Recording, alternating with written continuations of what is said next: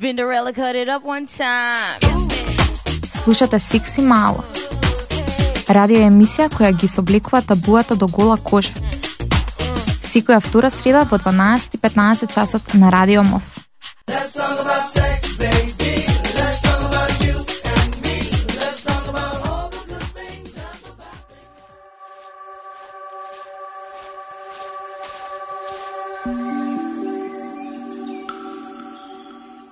Добро дојдовте во новата епизода на Секси Мало. И оваа среда се дружиме на Радио МОВ. Денес со домашните студија се дружиме јас, Мира Милеска и Теодора Степановска.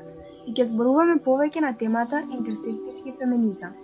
Зошто е важен и секако кои се последиците од постоење на движење за родова еднаквост, доколку тоа не е отворено за сите. Се враќаме веднаш по музичката пауза.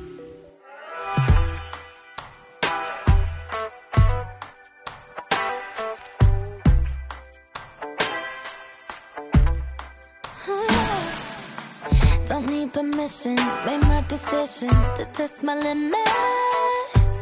Cause it's my business, God is my witness. Stop what I finished. Don't need no holder, taking control of this kind of moment.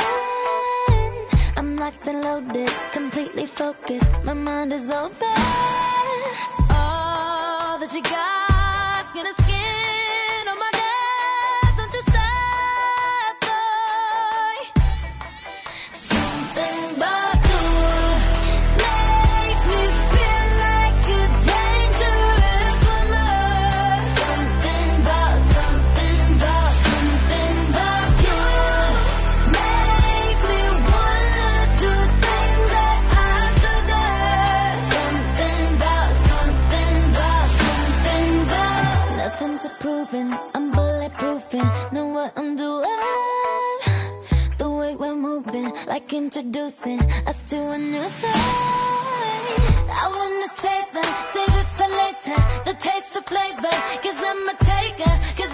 giver. It's only nature, I live for danger. All that you got,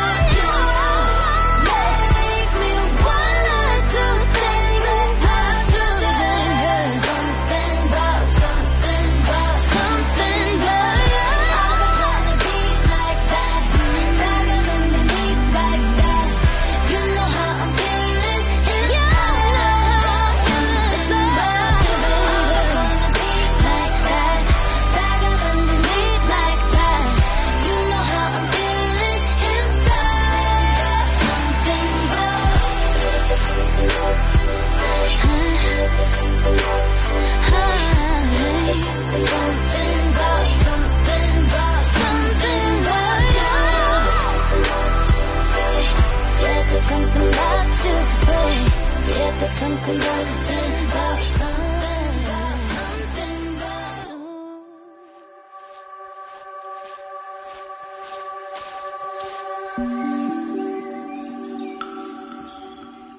што пропоставуваме дека го за феминизмот е тоа дека феминизам е обсег на политички движења, идеологии и обштествени движења кои имат заеднички цел – да се дефинира, да се воспостави и да се постигне економска, политичка и социјална родовна еднаквост.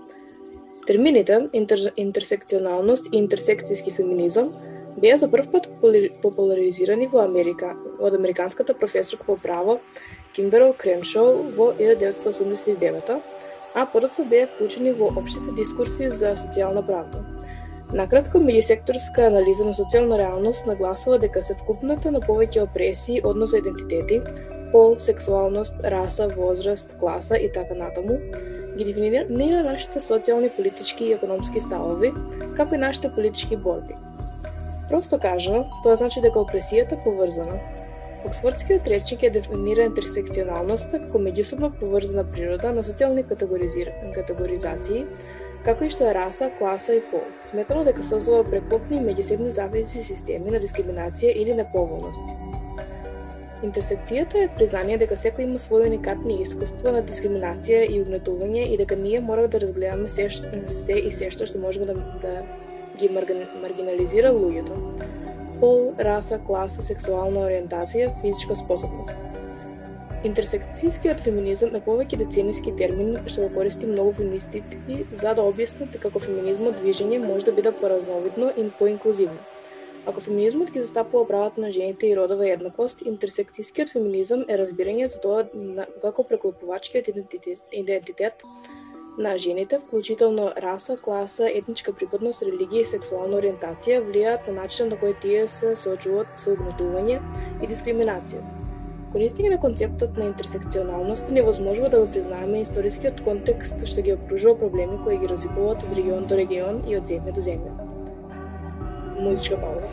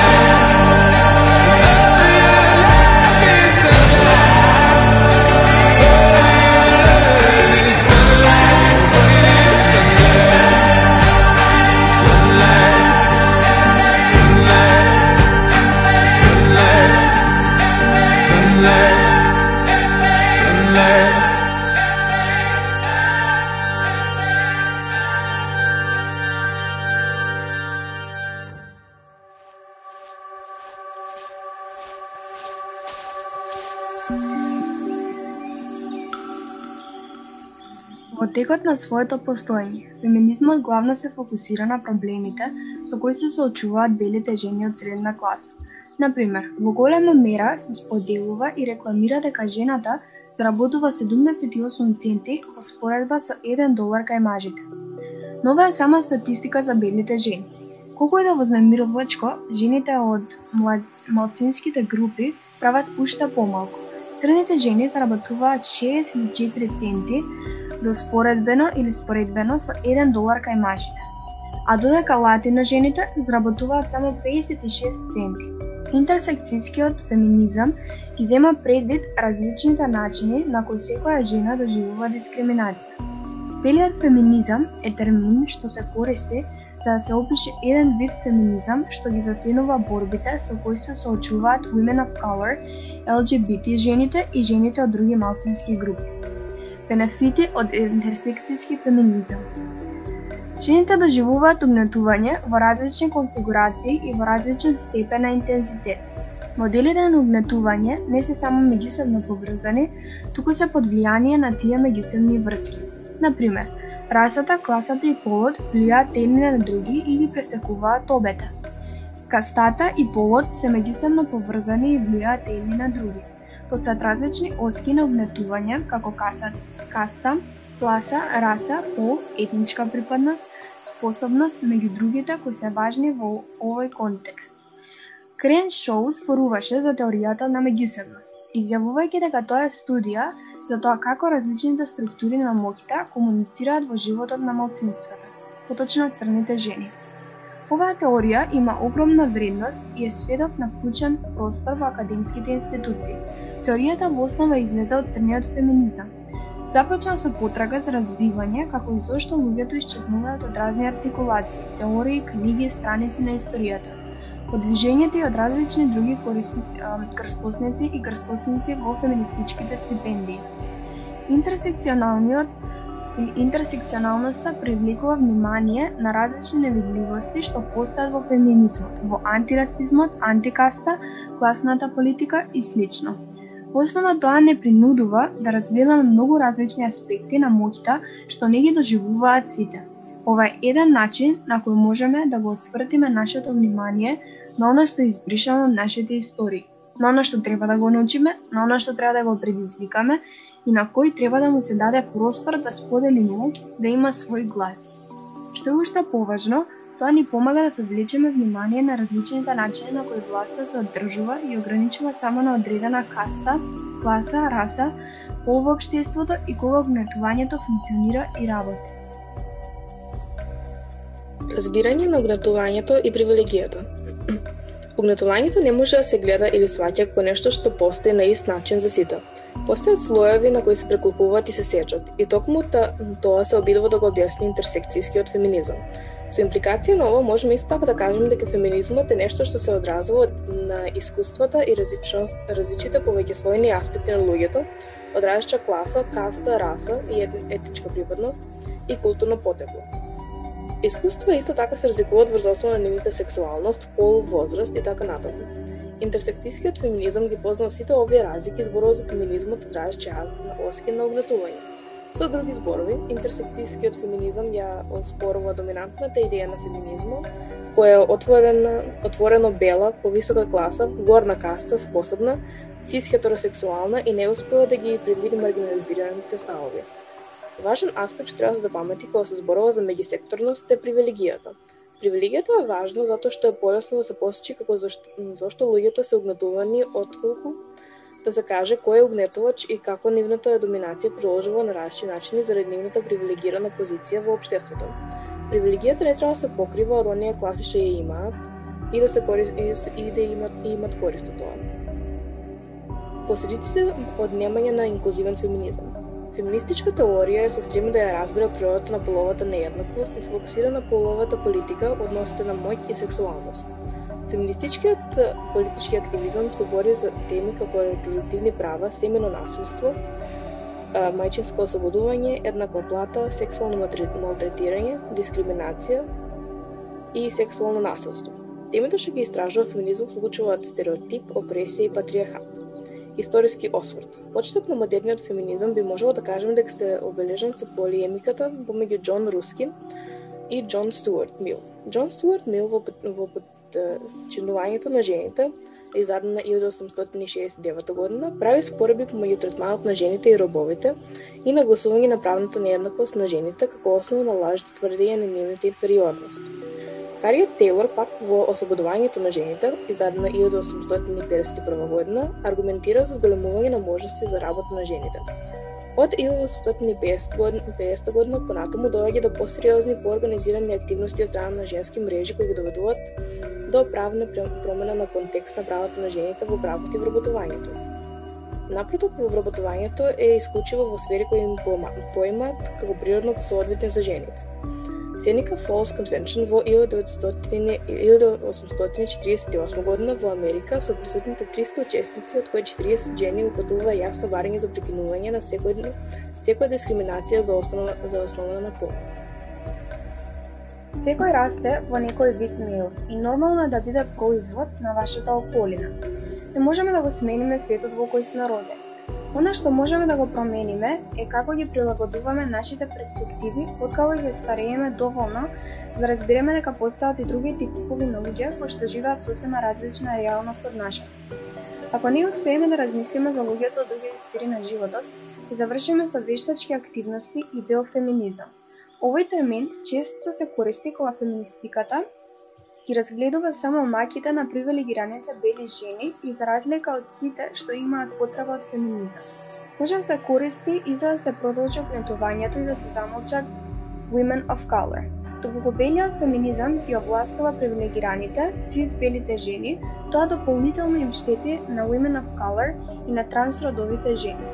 Неодамна видовме точно зошто на сите жени има потребен феминизам и зајакнување. Форумот за известување СТОП за азијско-американска омраза се најде само во изминатата година. Имало околу 3800 пријавени напади против азиците, а 68% од овие напади биле врз жени. Те исто така објавија дека малтретирањето со кое се соочиле овие жени било расистичко и сексистичко, а двете често се придржувале едни со други. Токму затоа ни треба интерсекцијски феминизам. Расизмот и сексизмот се секогаш поврзани и не можеме да се обратиме едни без други. Во спротивно, ние би решавале само половина од проблемите.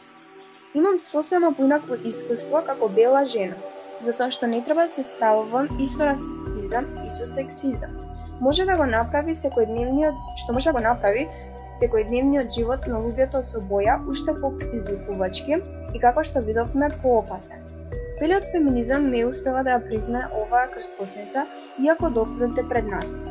Некои од овие опасности не само вознемирување, туку се истакнуваат и во обштествените разлики и ризици, на пример. Жените во САД имаат 4 пати поголема веројатност да умрат за време на раѓањето отколку белите жени.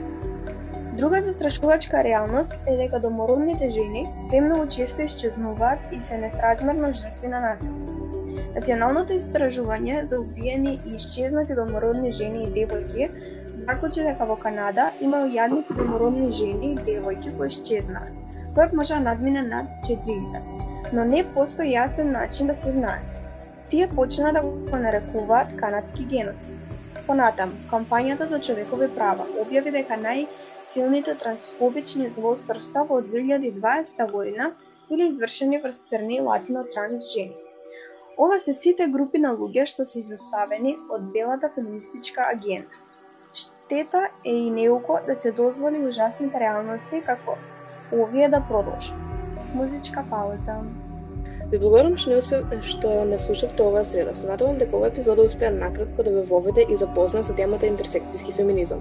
Доколку имате некои идеи и за теми кои би сакале да ги обработиме, слободно можете да ги споделите со нас на нашите социјални мрежи, на Facebook на страната Секси Мало и на Instagram на Хера Млади. Имате убав ден и продолжите да слушате Радио Мов.